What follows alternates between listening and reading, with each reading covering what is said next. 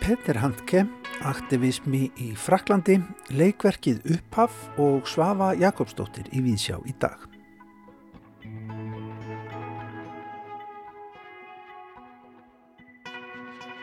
Nýlega kom út á íslensku hjá bókafórlæginu Uglu, einn þekktasta skáldsaga austuríska réttöfundarins og Nobelsvelunahafans Peters Handke. Ótti Markmannsins við Víta Spyrnu. Verki kom út árið 1970 og sló umsefalaust í gegn og telst nú klassíst verk í evróskum nútíma bókmyndum. Í henni segir frá fyrirverandi Markmanni sem telur sig hafa verið rekin úr vinnunni. Hann fremur morð og rávar síðan eirðarlaus og líklega í annarlegu ástandi um austurískan landamærabæ og nefndan. Frans Gíslason þýtti þetta verk á íslensku fyrir margt löngu en Frans andaðist árið 2006. Það var Jón Bjarni Atlasson sem blés blessunarlega nýju lífi í þýðinguna, bjó hana til prentunar og rítar fróðlegan eftirmála um þennan merka höfund og verk hans. Þetta er mjög fallega útgefið hjá bókafórlæginu Uglu sem að raunar gaf út nýlega annað verk eftir Peter Handke óskabarn og gefunar þetta er mjög ánægulegt. Við segjum frá bókinni uh, Ótti Markmannsins við Vítaspyrnu í Víðsjá í dag og ræðum við Jón Bjarnar, sláum að þráðum til Fraklands nánar tiltekið til Normandi, þar Rignir. Hér eftir stuttastundu ætlum við að fjalla um kongólska aktivistan Mavasalu Diabansa sem að mætti fyrir dóm í síðustu viku ákjærður fyrir þjófnað inni á frönsku sapni fyrir á árinu. Snæbjörn Brynjarsson segir hlustendum skoðun sína á leikverki sem að heitir Upphaf og er eftir breska leikskáldið David Eldridge.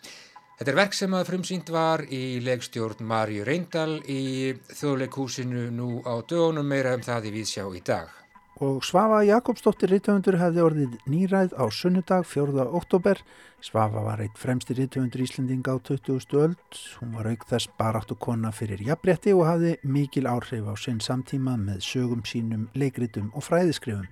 Hún brauð blað í íslenskri sagnangerð og fáir deila um þær nýjungar sem hún innleiti varandi söguefni og frásarnarhátt var frumkvöðl og hefðarbrjótur bæði á sviði skálskapar og skálskapar fræða en á setni árum auktu fræðilega rittgerðar hennar um bókmyndir mikla aðtegli. Við leitum fanga í sögulbandasafni Ríkisútarsins og heyrum rött svöfu Jakobsdóttur í þættinum. En við byrjum við sjá í dag í Fraklandi. D'accord, j'ai dû euh, laisser ma canne Ma canne m'a été prise par la police, donc j'ai dû la laisser. Ah, dommage. Euh, ils ont voulu prendre la canne, je ne sais pas, peut-être qu'on leur a appris que c'est dans cette canne-là que tout va se dérouler. Donc on m'a retiré la canne, euh, ma canne juste à l'entrée. Euh... Hér heyrum við rött ungs baráttumanns. Hann heitir Mavazulu Diabansa og er af kongólsku bergi brotin en franskur ríkisborgari. Hittum hann fyrir þar sem hann er að ganga í gegnum öryggisleit á dögunum. Þetta er myndalegur og sterklegur maður með svartan hatt á höfði, svart skegg, litríkar hálsfestar um hálsin, íklættur ból sem mertur er Jórupa, þjóðinni sem að byggir aðalega löndin í vestur Afrikum, löndin svo Benin, Togo og Ghana, en er þó aðalega að finna í henni fjölmennu Nígeríu. Jórupa þjóðin er að megnu til þar eitthvað um 40 miljónir af þeim 180 sem að Nígeríu byggja.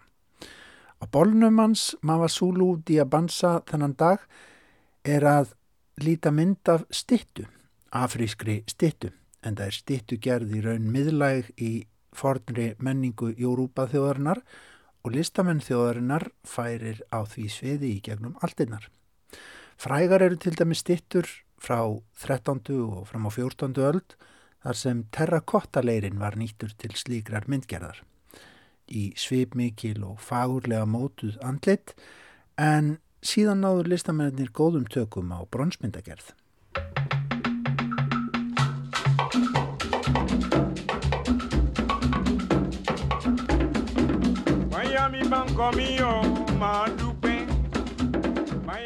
En af hverju er Mavasulu Diabansa að ganga í gegnum öryggislið þegar við hittum hann fyrir, vopnaleit. Og það núna í síðustu viku. Jú, það er vegna þess að hann var þá að mæta fyrir rétt í París þar sem að hann á samt fjórum öðrum aktivistum eru ákærðir fyrir þjófnað úr einu af merkustu og glæsulegustu söpnum Parísarborgar, menningarminjasafnu Museidu Quai Branly sem að stendur við bakka Signu, beintamóti samtímalistasafnu og Tókjóhöllinni og er kent við sjálfan Jacques Chirac fyrirverandi fórsetta líðveldisins. En það var í júni síðastliðin sem að Diabansa og samverkamenn hans fjórir gengu inn í safnið. Tout ce qui est ici nous appartient. Les 90 000 pièces euh, ici au musée de Quai Branly et les 90 000 pièces, il y a approximativement euh, 9, 000 pièces, 9 000 pièces qui viennent du Tchad, 9 000 et quelques du Nigeria, du Cameroun, 1428 du Congo, du Bénin, ainsi, de, ainsi et suite. Donc, Já, gangarnir í Kvæbran Lí safninu við Signu eru sumir nokkuð myrkvaðir. Man grunar ekki síst til þess að vernda viðkvæma sapgripina sem þar standa í röðum úr ýmsum heimsornum. Safnið var opnað árið 2006 og er nýjasta stóra ofinbera safnið í frönsku höfuborginni. En það geymir menningarsöguminjar fjarlægra heimsvæða frá Afríku, Asíu, Eiaálfu og Suður og Norður Ameríku. Safni sjálft telur fleiri en miljón safgreipi, stittur, vopn, greipi úr daglega lífinu, ljósmyndir, skjöl og fleira. En á hverjum tíma eru eitthvað um 3500 greipir til sínis í safninu á fasta síningu og tímabundnum síningum. Gestir eru á venjulega ári eitthvað um 1,5 miljón árlega sem að vitanlega er mikið en kannski ekkert merkilegt í samanbörði við merkustu myndlistarsöfnborgarinnar sem að standa sum þar rétt hjá. En fimm menn af þessari einni og hálfri miljón gesta sem að heimsækja safnið voru á nokkuð annari vegferð en aðri gestir þarna um miðjan júni síðastlegin. Þar var komin Mavasulu, Diabansa og félagar hans fjórir sem voru grímuklættir. Ekki eins og ræningar í teknimendasögu, heldur eins og fólk er jú bara núti dags. Þeir tóku upp myndband á meðan þeir gengu inn gangin í safninu og Diabansa greindi frá ráðagerð þeirra. Hann saðist þangað komin til að taka þýfi frá Afríku aftur trösta taki. Þeir voru sem sagt komnir til að nema brott greip úr safninu sem þeir álýta byggt á ránsfeng franskrar heimsvaldastöfnu til margra ára og auðvitað alda. Og þegar gripurinn var fundin þá hófst í að bansa handa við að losa hann úr festingu og eins og oftast á við um sapgripi þá var hann rækilega fastur.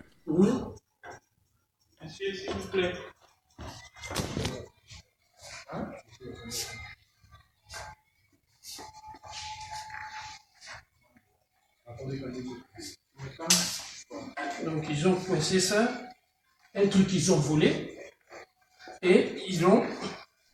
Já, þarna heyrum við þegar að Diabansa var að bisa við að losa sapgripin. En fyrir valinu hjá Diabansa var útfararstafur frá 19. öld, frá því landsvæði sem að nú heitir Tjat og er nokkurt veginn í hjarta Afríku en norðan við miðbögg. Á leiðinu út þegar Diabansa og félagar ætluðu hindi sín með útfarastafin, rönguðu örgisverðinni síðan loksins úr rótinu. Doivent venir assister ceux qui aujourd'hui veulent récupérer leurs biens. Alors on rentre à la maison. Ils rentrent à la maison. Nous l'avions pris, ils rentrent à la maison. Og nú eru sem sagt hafinn réttarhöldi við þessum sérkennilugu þjófum sem að gerðu jú allt í beitni útsendingu á netinu og er nú ákjærðir fyrir þjófnað og það að taka eigur franska ríkisins trösta taki. En á meðan þeir byðu réttarhalda þá sátu þessir fimm aktivistar svo sem ekkert auðum höndum eftir að hafa verið nappaðir eins og er kannski reyndar vildu þarna í Kvæbran Lísafninu í París. Þeir hafa nefnilega haldið áfram yðjusinni í söpnum í Marseille, seðst í Fraklandi og jafnvel norður í Hollandi. En gjörningurinn sjálfur sem vitanlega er í augum yfirvalda, grófur og afgerandi er svo sem í takt við umræðu sem að hefur orðið sífælt háværari á síðustu árum um að stórþjóðir Evrópu séu með þýfi í söpnum sínum almennt sem að tilheri í raun þjóðum Afríku og annara heimsvæða. Til dæmis má nefna að Fraklandsforsiti Emmanuel Macron lofaði því að skoða þessi mál sérstaklega í kjölfart þess að hann var kosin árið 2017. Nemnd sem skipu var að fórsetanum í kringum þetta mál taldist til að í frönskum söpnum væru eitthvað um 90.000 greipir frá Afríku einni en ekki væri hins vegar hægt að skilgreina þá alla sem ránsfeng. Og vissulega hlýtur það að vera erfitt eftir því sem árin hafa liðið. Og fórustumadur aktivistana ákjærðu, Mavasulu Diabansa, veit fyllilega að hann er að setja pressu á Macron Fosseta í þessu máli. Hann er duglegur að nota samfélagsmiðla þar sem hann heldur kraftmikla ræður, horfir beint í myndavélina, eldmóðurinn mikill. Og í frétt BBC um réttarhöldin er haft eftir honum. Macron Fosseti viður kennir þjófnaðinn en það er hann sem ákveður fjölda þeirra verka sem ber að skila aftur til Afríku og hvort eignarhaldinu eigi að skila þangað sem það á heima. Niðurstuður réttarins í málinu er að vænta í næsta mánuði. Chers frères et sœurs, salutations fraternelles et patriotiques. En marge du procès du 30 septembre, d'où l'Afrique entière donne rendez-vous à cette Europe, à cette Europe prévaricatrice, à cette Europe voleuse, à cette Europe pilleuse de ce qui constitue notre patrimoine spirituel, culturel, culturel, intellectuel et social. Le 24 juin, le 24 juin, mercredi 24 juin, je vous précise.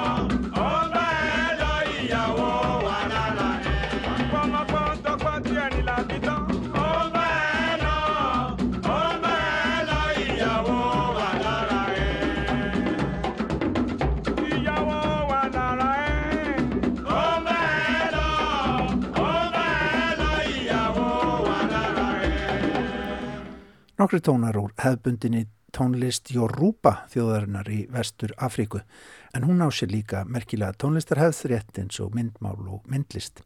Þetta var léttur afrískur salsataktur í þessu þarna fannst manni. En því miður veit ég ekki nánar hvað menn voru að syngjum þarna, eins og er veit ég að á sunnudag, 4. oktober, voru liðin 90 ár frá því að reytöfundurinn, leikskáldið og stjórnmálamadurinn Svafa Jakobsdóttir fættist austur á Nesköpstað. Svafa vitinlega þekktust fyrir smásögur sínar og skáldsöguna Leiandan sem að koma út árið 1969 Bók sem var skrifuð með tvískipta heimsmynd kaldastriðsins í bakgrunni þar sem að tortrygni gæti verið fljótað sá sér. Svafa sem átti sæti á alþingi fyrir alþjóðbandalagið á árunum 1971 til 79 þótti líka endurspegla vel reynslu heim kvenna í íslensku samfélagi í verkum sínum ofta tíðum á nokkuð kalthæðin hátt. Við skulum grípa niður í leiandan og heyra dæmi um þetta daglega líf sem að Svafa speiklaði oft svo vel í bókinni og líka þetta dulafulla andrumsloft sem hann enginir. Hér er verið að hugsa um að byggja hús og að rækta gardinsinn sem að vitanlega er ekkert grín. Höfundur gefur okkur smá formála áður en að þessar hugleiðingar hefjast en lesturinn er frá árinu 1985. Þar lauk lestri síðast að konan var að næturlagi að hugleiða húsbyggingu þeirra Péturs og hefs nú lesturinn. Auðvitað hefði hér átt að greina á um leiðir. Hvaða vit var í því að verja öllum þessum peningum til að lagfæra lóðina?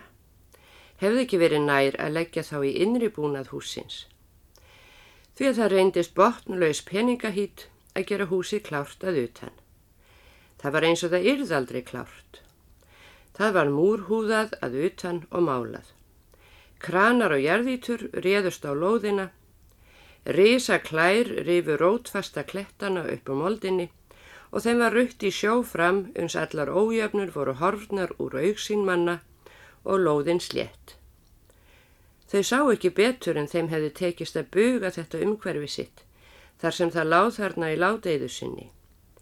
En við hverja ferð sem þau gerðu sinnir í fjöru varð æg erfiðara að ákvarða hvenar þau hættu að vera smán fyrir hverfið því að þeir sem gengu á undan gengu ætið feti framar. Uns eh, svo var komið að Pétur var fann að dundi í gardinum. Hann sáði grasfrægi, hann mældi út gangstíga og hann átti langar viðræður við sérfræðinga um þau blóm sem þyldu sjávarloft og blóm sem þyldu það ekki. Hann plantaði trjám og vakti við örvendingar fullri viðleikni þeirra til að þroskast og dapna í kaldri vorgólunni utan af hafi. Og enda þó trjákrílinn gæfist upp, gerði Pétur það ekki. Hann reyndi bara nýjar tegundir í leita traustari stopni og grasið spratt og það þurfti að fara að slá og kringum blómin ógs arfi og það þurfti að reyta. Auðvitað var það rétt hjá Pétri að það þurfti að hyrða þetta vel. Úr því það var einu sinni byrjað að spretta. Maður var það að reyna að halda í við allan þennan vöxt. En sá tími sem í þetta fór, drottin minn, ef allur þessi tími væri reiknað til fjár. Að maður nú ekki talað um peningana sem fór í að kaupa all þessi gardirkju áhald. Var nú ekki mála þessu lind. Var ekki komin tími til að snúa sér að öðru. En svefnþungur líka minn við hlið hennar rumskað ekki. Hann skeittið í engu þótt borðnar var upp spurningar í rúmunu. Hann láð þarna reyfingarlaus í grunlausum svefni þess manns sem heldur að nóttin þegi meðan hann sefur. Hún tegði sig í veglampan ofan við mitt rúmið og kveikti. Flutti sig svo upp að höfðagabli og skorðaði sig þar kyrfilega og þrjóskulega um leið og hún kinkaði einbeitt kolli eins og til að fylgja eftir hugsun sinni. Já, nóttin gætt líka vakað við ljós, það mátt hann vita. Hún dró til sín sængina, vafðin um sig svo að myndaðist aukt bíl millir þeirra í rúminu og á þetta auða tóm brá ljósið geysla sínum og klauf nóttina í tvenn. Í fyrsta skipti var smán hennar viðskila við smán hans og gekk sína píslargöngu einn. Eftir strætunu nýja og slétta þar sem húsi þeirra stóð. Til begja handa stóðu þóttaleg hús sem voru sjálfu sér nóg og hefðu dreyið fyrir glugga þjett og mjúklega felt tjöld sín til hlýfðar því frelsi sem yngalífið nöyt þar inni en lit hún á sitt eigið hús, blöstu naktir gluggar við og gátt ekki dölið þá staðreind að húsið var holdt að innan. Hvaða gagn var að tvöföldum rúðum ef þeir megnuð ekki veita slíkri insýn viðnám? Og það var sem slægi einhverju voða byrtu á þessa næturgöngu. Líkt og fylgd henni kastuljós sem lístu upp hvern krók og kíma þessara smánar. Hún lokaði augunum til að verjast, þreyfað eftir slökkvaranum og það varð aftur dimt í herberginu. Í myrkrinu öðlaðist hún á ný hugur ekki til að spyrja. Hversu lengi átti að leggja þessar píslagöngur á hana? Hver lengi enn mátt hún horfa í tómar augnatóttir þessa hús? Hversu oft átt hún enn eftir að segja að kannski flyttu þau með haustinu? Og svo sagði hann bara allt væri stopp og það með þennan mann þarna fram í forstofunni sem hún varði að dúsa með alla daga. Heift hennar og úræðaleysi beindist í tvær áttir og hún gati ekki gert upp við sig hór smánin var meiri. Maðurinn sem svafi hlýð hennar og var ófærum að verja hana eða maðurinn í forstofunni sem hún hafði verið ófærum að verjast. Eitt kvöldið tók Pétur af skarið. Þau gæti ekki alltaf farið snemmað háttað. Að vísu voru þau nú farin að skiptast á um hægindastólinn þessa stuttu stund sem þeir stöldruði við í stofunni að loknum kvöldverði. En hvorugt nöyð þess að sitja þar. Vanlíðan hins sem satt á borðstofustólnum hafði búið um sig í beinum þeirra og gaf þeim enga róg hafði þannig af þeim þá kvíld sem þeim bauðst meðan hún varaði. Og þó urðu bæði ætregari að rýsa upp og ganga til sængur og gildi þá einu áhvorum stólnum þau sátu. Bæði dróu á langin að segja þetta eina hressilega jæja sem hafði svo diggilega duga til að ræsa þau af stað með þau trúðu enn á þau orð Péturs að það væri gott að fara einu sinni snemmað hátta. Þau voru farin að kvíða þeirri stund er þau neittust til að ganga inn í þessu ótímabæru nótt sína. Þau vildu hvorki fara nýja vera, en höfðu ekki til þessa haft orð á óánæju sinni hvort við annað, því að þau skildu ekki þessa sjálfheldu sína millir sveps og vöku, millir dags og nætur. Fyrir að nú er Pétur tók loks af skarið og þá kviknaði skilningurinn.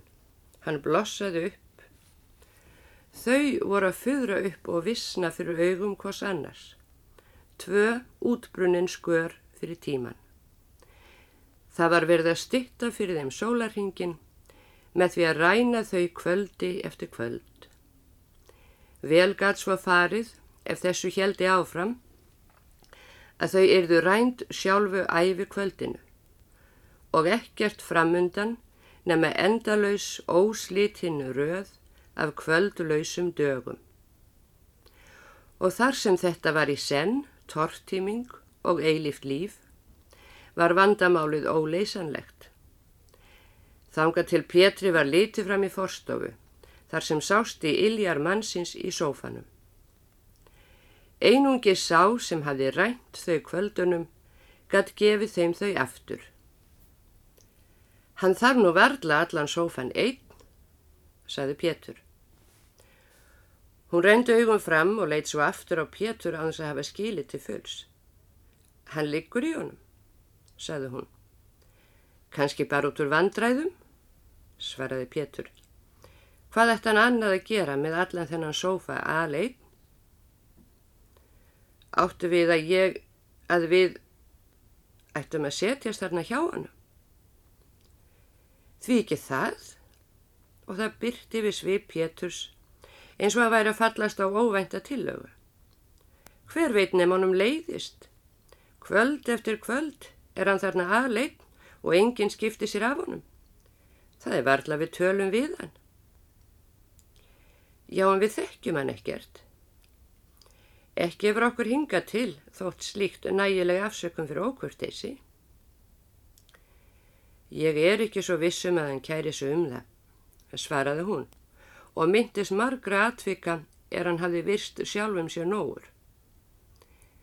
Settuðu bara í hans spór, hvernig þætti þér, ef þér væri, já, hvað ég að segja, útskúfað á annara manni heimilum, við getum þó reynd að vera almennileg, Ég veit ekki, sagði hún dræmt. Við erum þó síðað fólk. Þessi fullirring virtist auka Pétri sjálfströst. Hann gekk raklaðis fram. Hún let sér næja stand upp af stólnum og horfa á eftir Pétri ganga þessa stuttu leið sem var kannski eina leiðin út úr þessu. Enda þótt hún treysti sér ekki til að eiga með hann og samfylg. Eitt andartak fannst henni að ef til vill hefði Pétur átt að huga betur að samfylgdinni. Sjaldan hafði hann snúið jafn afdráttar laust við henni baki. Síðan um nóttina er henni reyndist ókleift að fyrirgefunum ranga stefnu í húsbyggingunni, átt hún örðugara með að fyrirgefunum allt annað. Já, hún átti örðugara með að fyrirgefa yfir leitt. Svafa Jakobsdóttir Ritthöndur fætt 4. oktober 1930, látin 24. februar 2004, las þarna brot úr skálsögu sinni Leiandanum. En þá líkur leið okkar í leikús, við ætlum að huga að um, leikriti sem að frumsýnt var í uh, þjóðleikúsinu uh, nú á dögunum. Leikriti sem að nefnist upphaf og er eftir uh, breska leikskáldið David Eldridge. Snæbjörn Brynjarsson er búinn að sjá. Það er komin hánótt og stóru partíi er nýlokið, bjórdósir og vínflöskur eru á víð og dreifum stofuna og opna eldúsið í sæmilega stóri íbúð í vesturbænum. Allir gestirnir eru farnir heim með leigubíl nema einn þeirra, Daniel, stendur í dyragættinni og virðist ekki vita hvort hann er að koma eða fara. Hann og eigandi íbúðarinnar hafa verið að gefa hvort öðru auga allt kvöldið og það verðist stefna í að hann gisti en hann skortir bæði sjálfströst og ákveðni til að ganga alla leið og í opinn faðum konunar. Þannig hefst upphaf leikrit eftir breska höfundin David Eldridge sem segir frá tveimur manneskum í leitað ást og var frum sínt nýverið í þjóðleikúsinu. Verkið var fyrst sínt fyrir um þremur árum og telst því nokkuð nýlegt en um er að ræða tvíleg með einu Karl hlutverki, það er Daniel, og einu Kvenn hlutverki, Laura í ennsku útgáðunni en Guðrún í íslenskri þýðingu auðar Jónsdóttur. Það eru Kristín Þóra Haraldsdóttir og Hilmar Guðjónsson sem taka að sér þau hlutverk en Marja Reyndal leggstyrði. Feimni og framtagsleysi Daniels drýfur áfram fyrstu mínúturnar í verkinu og Hilmar sem er mjög fær grínleikari fer á kostum. Það er spenna í loftinu og honum og Kristínu Þóru tekst að gera vandraðalegar viðreynslur hennar við þennan glórulösa gaur spreng hlægilegar. Þessi eldingarleikur um stofuna fer marga ringi og bráttur ennur upp fyrir áhörundum að Daniel er sennilega alveg ófærum að ákveða hvort hann vilji vera eða fara og Guðrún óþraufull og spólandi gröð fer að grípa til örþrifa ráða. En um leið uppgötu við meira um þessar brótættu manneskjur og svona til að sumera upp innihald verksins á þess að segja of mikið um atbörðarásina þá fellar það um tvær manneskjur í leitað ást og hamingju sem mæta hindrunum, hindrunum sem eru oft þeirra eigin sköpun. Búningar í síningunni er í höndum Margreðar Einarstóttur og um sviðismynd sá Finnur Arnar Arnarsson og það er ekki margt um búninga og sviðismynd að segja þegar sviðsetningin er jafn raunsæ og mikið í samtímanum og þessi en íbúðin og búningarnir eru sæmilega trúverðjur. Daniel lítur út eins og færtugur maður úr Kópavóginum og Guðrún lítur út eins og færtug kona úr Vesturbænum og ekkert slærmann sem falst eða óraunverulegt. Tónlistin sem spiluð var í uppafi síningar var kunnuleg, gömul ballög frá nýjunda áratögnum sem fólki á þessum aldri geti þótt nostalgísk en það er ekki hægt að segja að væminn tónlist Úlfs Eldjárts hafi verið sérstaklega eftirtektarverð í síningunni þó svo hún hafi eflaust ekki ángrað neitt heldur. Stóra spurningin fyrir síningar eins og þessar sem kvíla á herðum tveggja leikjara og byggjast upp á plotti sem virðist í grófum dráttum næfur þund er hvort sagan og leikurinn gangi upp. Framist aða Kristínar Þóru og Hilmars er í fremsta flokki Þau tvö fara á kostum saman og tímasetningar þeirra eru óaðfinnarlegar. En þó svo framistæða þeirra sé alltaf jöfn út síninguna þá fjarar smám saman út áhugimanns á plottinum sem reynist heldur langdreið undir lokin. Mögulega hefði verkið þurft að fara í aðrar áttir, kafa dýbra í baksögu personuna og skiptum gýr, frekar en að reyna að keira það á sömu spennu, hvort þau náðu saman eða ekki, út alla síninguna. Þó svo spennan sé mikil í upphafi, þá er upphaf verk sem hefði getað orðið góð stuttmynd, jafnvel frábær klukkutíma laung síning, en nær ekki einum og halvum tíma að þess að tegja lopan. Þýðing auðar á verkinu er fín, Staðirnir sem nendir eru í síningu, Vesturbærin, Kópavógur, Gardatorg. Eflist eru þetta staðgenglar fyrir einhver hverfi í London eða hvaða bresku borg sem það var sem beginning gerðist í. En sem slíkir þá ganga þeir alveg upp.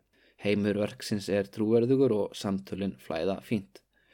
Uppaf er ágætis kvöld skemmtun, leikrit í meðalægi en frábær framist að leikarana hýfir það upp og gerir mér kleift að mæla með hjartnæmri síningu sem er sprengklægileg framanaf en langdregin síðasta hálftíman.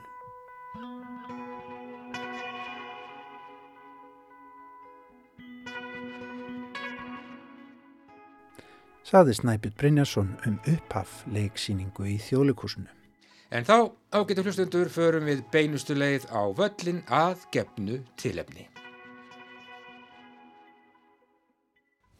Welcome back to our coverage of the game of the year between Yale and North Carolina. If you're just joining us, we have witnessed an unbelievably well-fought match tonight, and it's come down to penalty kicks. Peterson for Yale, taking the first approach. Oh,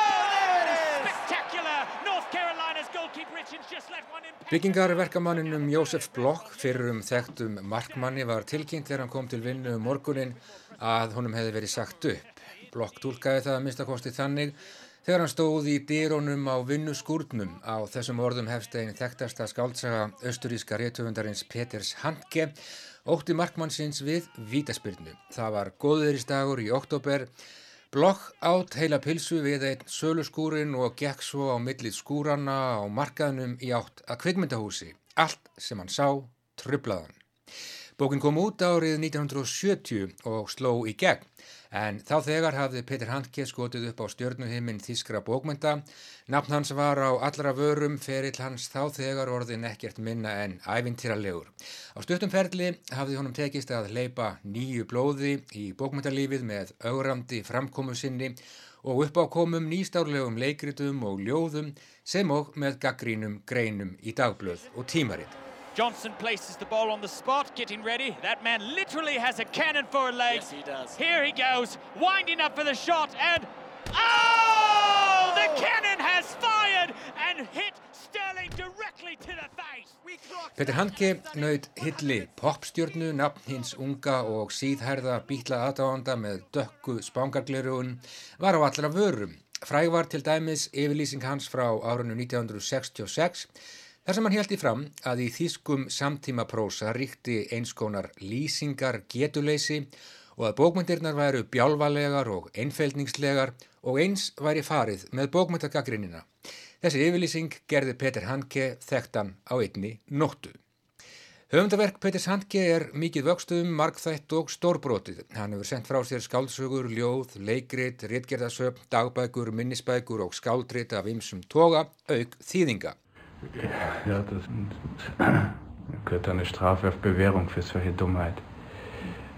All, alle, jeder Satz, den ich aufschreibe, der hat mit der Realität zu tun, allerdings nicht mit, mit Reizgegenständen, die im Moment, in einem geschichtlichen Moment als Realität auftreten und auch nicht mit Reizwörtern, wo, womit gerade sogenannte Realität bezeichnet wird. Reizwörter, ne? Sie wissen schon, was ich meine, dass nun Perestroika ist. You'll never know how much I really love you. You'll never know how much I really care. Hann fættist í bænum Griffen í Östuríki árið 1942 og hann hefur hlotið margvíslegar viðurkenningar fyrir verk sín svo sem Frans Kafka verlunin, hinn alþjóðlegu Ibsen verlun og Nobels verlun í bókmyndum fekk hann í fyrra fyrir mikilfenglegt sköpunarverk sem ekkert lát er á eins og formaður Nobelsnefndarinnar komst að orði. Hann fekk verlunin fyrir áhrifamikið höfundarverk sem hefur með mikilli orðkingi, kannad, útmörk og sérstöðu mannlegarar upplifunar. Og það eru einmitt útmörk og sérstöða mannlegarar upplifunar sem eru í brennidepli í skáldsögunni Ótti Markmannsins við Vítaspyrnu. Söguhetjan Jósef Bloch skinjar umhverfið sitt með sínum hætti mögulega vitfyrtur eða í annarlegu ástandi, næmi hans og skinjun eru í forgrunni. Hann ráfar stefnuleust um Vínarborg, fer heim með afgriðslukonu úr kvikmyndahúsi, sefur hjá henni og kirkir hana um morgunin án sínilegar ástæðu. Reykar síðan um naflausan landamærabæ og verður fyrir stöðugt meiri skintrublunum í veröld þar sem flest gengur sinn vana gang. Höfundur nýti sér form glæpasögunar en þó með öfugum formerkjum. Skáltsagan ótti markmannsins við Vítaspyrnu vakti strax mikla aðtiklið þegar hún kom út árið 1970 og var kvikmynduð af þíska kvikmyndalegstjórunum Wim Wenders skömmu síðar. Hún hefur öðlast sess sem klassíst verk í evróskum nútímabókmyndum. Sind die Möbel schon gekommen?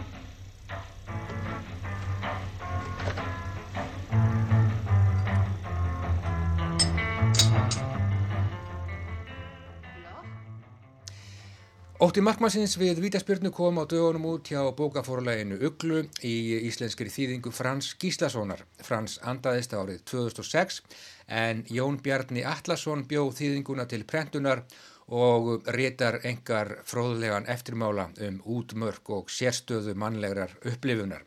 Þetta er þriðja verk Peters Handge sem kemur út á íslensku, þýðing Peturs Gunnarssonar á Kindergeschichte eða Barnasögu kom út árið 1987 og nú nýlega kom út þýðing Árna Óskarssonar á verki Handges frá árinu 1972 sem nefnist Óskabarn ógefunar en þar fjallar Handge um örlög móður sinnar sem svifti sig lífi. Og þess má geta að áður en langt um líður þá kemur út hjá uglu önnur þýðing eftir Árna Óskarsson að þessu sinni á skáldsögunni hið stuttabref og hinn langa kveðja, það er fagnadarefni. En við skulum halda okkur við skáldsöguna með skrítna titilinn, við skulum halda okkur við markmannin Jósef Bloch sem er engin venjulegur markmaður og engin venjulegur maður ef út í það er farið. Skáltsagan ótti markmannsins við vítaspyrnu, markaði vist tímamót á ferli Peters Handge, með þessari bók staðfesti hann sig sem réttufundur í þeirri bókmyndagrein sem átti eftir að standa honum næst í svo sem er svo halva öld. Jón Bjarni Allarsson er statur í Fraklandi og við sláum á þráðin. Sæljón, uh, eh, þetta er rétt er það ekki að já, þessi bók hún markaði ákveðin tímamót á ferli Peters Handge? Jú, sælublesaður. Jú, hún gerði það. Þetta var þriðja skálsagans og hann varði ekki tektu fyrir hinn að skálsuguna, heldur freka fyrir leikrít og, og greinar og uppákomur og annað. En með þessu verki staðfestaðan sig sem skálsagnahöfundur, má segja, og það er bara rétt liðin 50 ár síðan hún kom út bókinn og fyrir það er hún merkileg og, og svo er nesund að dæma hvernig hún hefur elst en, en hún hefur elst ágætlega að mínu mati, þetta er mjög knappur stíl sem hann nota í þessari bók og hann uh, stiðst við glæpasagnarformið snýrt í svona við til að geta kafað inn í þennan einstakling uh, Jósef Blokk sem er aðal hetja bókarinnar sem greinist eða ekkert greinist með hann, svona, hann, hann kann nota svona greiningatæki uh, geðvikinar á hann. Og við fáum svona fylgjast með innra lífi Jósef Blokk sem tilur að hann hafa verið sagt upp úr vinnunni sem har sagt upp í vinnunni sem eins og vera miskilningur og, og, og, og fer svona í svona vissa já, bjarmalandsför með sjálfum sér. Uh, já, og við fylgjum svolítið með þessu ferðalagi já. já, við erum hérna stödd í já, Vínarborg ekki satt og hún sé ekki nefnd á nafn og sem leiðis í í einhverjum landamæra bæ þar sem já, blokk hann þvælist um og, og já, þetta er nú eiginlega ekki síst bara bókum já, skinnjun og, og tungumálið og hvernig við notum tungumálið til þess að miðla veruleikanum og, og blokk þessi, hann er nú, já, hann er kannski af einhverju liti e, vitfyrtur eða í annarlegu ástandi e, og kannski svona upplifun hans á heiminum, hún einkennist kannski að einhverju liti af einhvers konar skinn tröflunum og öllur þessi miðlað á mjög, já, ljóðrænan og skemmtilegan hátt. Já, hann er svona ofur næmur, má segja, og, og tekur öllum en vissir svona ofur næmni, öllum hlutum í kringu sig, hljóðum, tungumálinu og hann svona næm tólkar þetta oft og, og þetta setur hann svona út, á, út af sporinu. Og í rauninni er kannski hangi að, að, að fjalla þarna um hvernig við bregðumst við tungumálinu og uh, hvernig við bregðumst við raunveruleikan með tungumálinu og hvernig við notum síðan aftur á móti tungumálinu til að bregðast við raunveruleikanum. Og þarna liggur svolítið undir málspeki Ludvig Wittgenstein sem hann sækir svolítið í gegnum Vínar grúpi sem var hérna skáldahópur uh, sem var hérna svolítið á undan þessu, ekki mikið á undan sem hann umgengst og, og fór mikið onni í þetta, svona skinnjun tungumálsins og hvernig við bregðumst við því og, og, og hvernig við getum nota tungumáli til að koma veruleikanum frá okkur. Já, sem er svona leiðar, já, leiðar hnoða í hans höfundarverki, ekki satt? Jú, það má segja að það byrjið þarna og þarna er þetta svolítið á annan hátt því að þetta verk er ekki dæmigert fyrir Pítur Hanke. Verk hans breyta svona síðar mjög mikið og, og verða mjög, mjög svona, ég myndi segja ljóðrætni. Þetta er mhm. miklu knappara form, þarna svona festir hann fingur harðar á efninu hann verður síðan svolítið svona, svona mikri, myndi ég segja mögulega aðeins flóknari, þetta er vel skiljanlegt verk á, á, á margan hátt en, en, en, en svona hans hans hugsanir um, um tungumáli byrja svolítið í þessu verki myndi segja, já. En svo þú segir þá, þá snýr hann svona upp á glæpa sagna formið í þessu verki og, og það eru raun og verið ekki glæpurun, ekki morðið sjálft sem að skiptir megin máli heldur heldur uh, viðbröð blokks sjálfs við þessu öllu saman. Sko þegar maður les þetta þá, þú talar um það að hún eldist ágætlega, mér var þauksað til, já, jáfnvel frönsku nýsögunar og, Hanki hefur nú verið hrifin af Rob Grie og þýtt Margret Duras til dæmis og mér var líka hugsað til annars uh, stórs Evrós höfundar sem heitir Herta Möller og, og Frans Gíslason þýttir reynda líka. Já, Frans Gíslason þýtt á sín tíma ennislokk innvalsins, nokkuð áður en að herta fekk Nobel-sölunni. Já, frábær bók. Já, alveg frábær bók og, og þessa bók held ég að Frans, ég veit nú ekki alveg hvernig hann þýtt hana, en, en það hefur líklega verið einhvað ekning á 1990, þannig að það er afalangt síðan. Hann fekk bókin ekki útgefna á sínu tíma og, og saði mig frá henni áður en að lest, stalsur áður en að lest og, og svo átti ég hann í einhverju handriti og já, þegar hann fekk Nobelin að þá svona að tóða ég hvort það væri ekki eitthvað forlækjari til í þetta já, og, og svo reyndi sig að vera, já. já. En þetta er mjög fjölhæfur rítuhundur Petur Handke hefur skrifað. Já, skálsögur, leikrit, ferða, eh, ferðarispur og, og, og rítgerðir og fleir og fleira. Og ljóð auðvitað. Já, hann, er, hann hefur, hann, þetta er mjög breytt svið sem hann, hann rítar á, uh, já, það er alveg, alveg, alveg rétt. Og geysir mikið verk, þetta eru marga bækur á ári sem kom út eftir hann. Uh, skálsugunar hans eru ég myndi nú að segja mikilvægastar í höfundaverkinu Já. Uh, þær eru þær eru mísjafnara stær, það eru nokkra mjög stórar sögur og, og aðrar minni. Og hann að geysa öllu tíðandi, þetta eru 20-30 tíningar sem ekki hann líka og, og Þitt í Fordgreki, já, með mitt. Já, Sofokles og Evripettis og Shakespeare jafnvel og, og, og hinn og þessa. Já, með mitt. En svona já, skálsögurnar merkilegastar og þar má nefna bækur er það ekki eins og eh, endurtekninguna og svo bók sem kom út árið 1994 og er kannski hans stóra verk og heitir hvað, Ármitt í einskismannsvíkinni. Já, man já, enda nýmannsbúkt aðeins í einskismannsvíkinni sem uh, var yfir þúsund blaðsýður, eða er yfir þúsund blaðsýður og, og svona hans, eitt af hans stæstu verkum þar sem hann fer yfir já, lífsýtt má segja. Þetta er svona rítvöndur sem er að fjalla um stöðu sína og, og, og hann lítur hann tilbaka en, en svo eru önnu verk eins og Móravíska nóttin sem kom út 2008 og er nú ekki það gamalt og og einni glötun myndana sem kemur út þarna 2000, kringu 2005 minnum ég að já.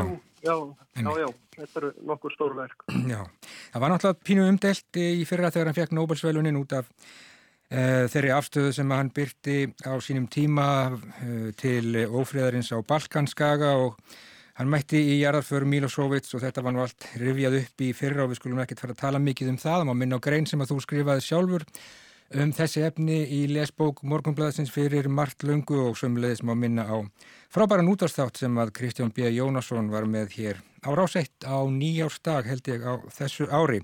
En já, nýlega er komin út önnur bók, önnur þýðing á, á verki eftir handge sem heitir Óskabarn Ógæfunar þar sem hann Já, tekst á við eh, örlög móður sinnar sem að framti sjálfsmorð og Já, það er nýþýðing ekki sett á leiðinni, það er búk sem að heitir uh, hvað, þið stuttabref og, og hinn langa kveðja? Ja, der kurze Brief zum langen Abschied uh, kemur út í rauninni 1972 sama ár og Óskar Ógjafunar. Þessar tvær bækur kom út þarna tveimur árum og eftir markmanninu. Uh, þarna er svona, þetta er bara akkurat á þeim árum þegar hann verður svona verulega stórt en hann lítið stærstu bókmyndaverðin Þýskalands og, og þetta eru enn þann dag í dag, 50 ára síðar. Uh, með hans allra tektustu verka sem við myndum segja til miður en, en menn lifa á þessu. Og þetta eru óbúslega fína bækur og, og svo þriðja sem kemur vonandi út á næsta ári, hún er þarna fjallarum ferðala austur í Smanns til, til Bandaríkjana Já sem er svona endurlitið, já, já. við erum spennt eftir henni einnig. Og þar kemur meðal annars ekki sagt kvikmyndarleikstjórun John Ford við sögu, leikstjóri sem að handki hefur haft miklar mætur á í gegnum tíðina. Jú, John Ford leikur hérna uh, mikilvæga rullu myndi, myndi ég segja, hann hefur alltaf haft mjög mikla mætur á John Ford, er svona hans aðal leikstjóri, hann hefur reytað talsveit mikið um kvikmyndir. Já, Hann, hann kemur hann fyrir í bókinni. Já, en uh, ótti markmannsins við vítaspyrnu, uh, maður getur náttúrulega velt fyrir sér sko hvort, hvort er hrættari markmaðurinn eða sá sem stillir sér upp á vítapunktinum og ég veit ekki hvort að svari fæst í lok bókarinnar eða hvað. Nei, þetta er auðvitað um leið og bókin kom út, þá, þá sló hún í gegnum Þýskalandi og, og, og fótbóltáfólk var líka mjög hrifið að henni, hún, hún sló svolítið í gegnum fótbóltagerðan bókin en En strax kom þetta upp að þetta væri nú öfugt, þetta væri ekki rétt hjá hún. Það er ekki markmaður sem finnir til þessar ræðsluheldur eða óta, það er nú yfirleitt skittan, skittan sjálf. sjálf. En, en Jósef okkar er ekki venjulegur persónuleiki, við skulum aðtöða það og, og, og, og kannski finna lesendur svarið í verkinu, það er aldrei að vita. Reyndi ekki venjulegur en já, ótti markmaðsins við vítaspyrnu eftir Peter Handke. Skálsaga sem hann skrifaði á 24 dögum árið 1969 og kom út árið 1970. Komin út í þýðingu uh, Frans Gíslasonar, uh, Jón Bjarni Allarsson, hann bjóð þessa þýðingu til útgáfu og skrifar mjög fróðulegan. Eftir mála, hvað ertu statur nákvæmlega Jón í Fraklandi? Ég er í Normandí, í Kong. Að kenna? Já, ég er að kenna þar. Já. Það er regning hérna. Það er regning hjá þér? Já. Ég segi bara takk fyrir spjallið og takk fyrir þessa fínu bók og já, bestu hverður til Normandi. Takk. Takk að þið kjalla fyrir. Blessaður. Bless.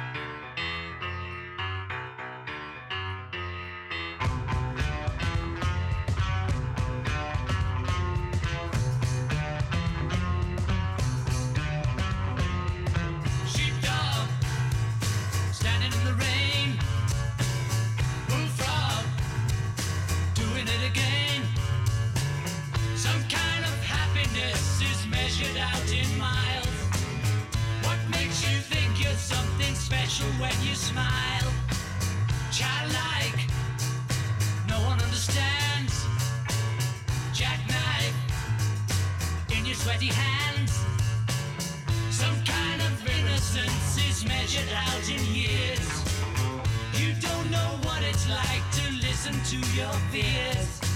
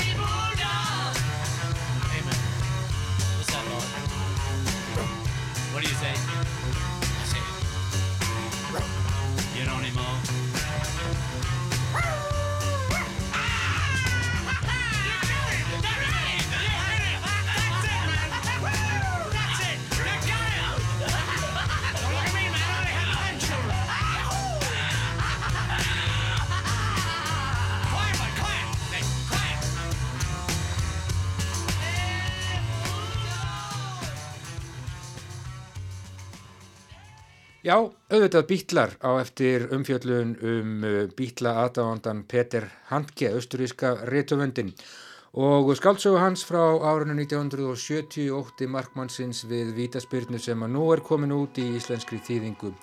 Frans Gíslasonar, það var Jón Bjarni Allarsson sem að bjó þetta til prentunar og við heyrðum í honum frá Normandi í Fraklandi.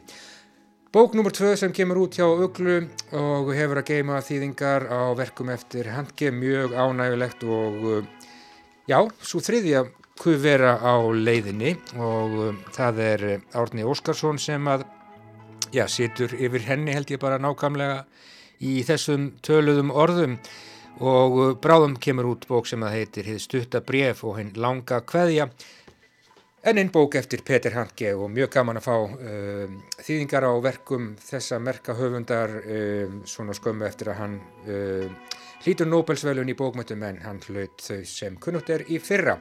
Þá erum við komnir á leiðarenda í Víðsjá í dag. Við verðum hér aftur á sama tíma á morgun löst eftir klukkan fjögur. Ef Guður lofar við þökkum ykkur kærlega samfélgina í dag. Verðið sæl. Verðið sæl.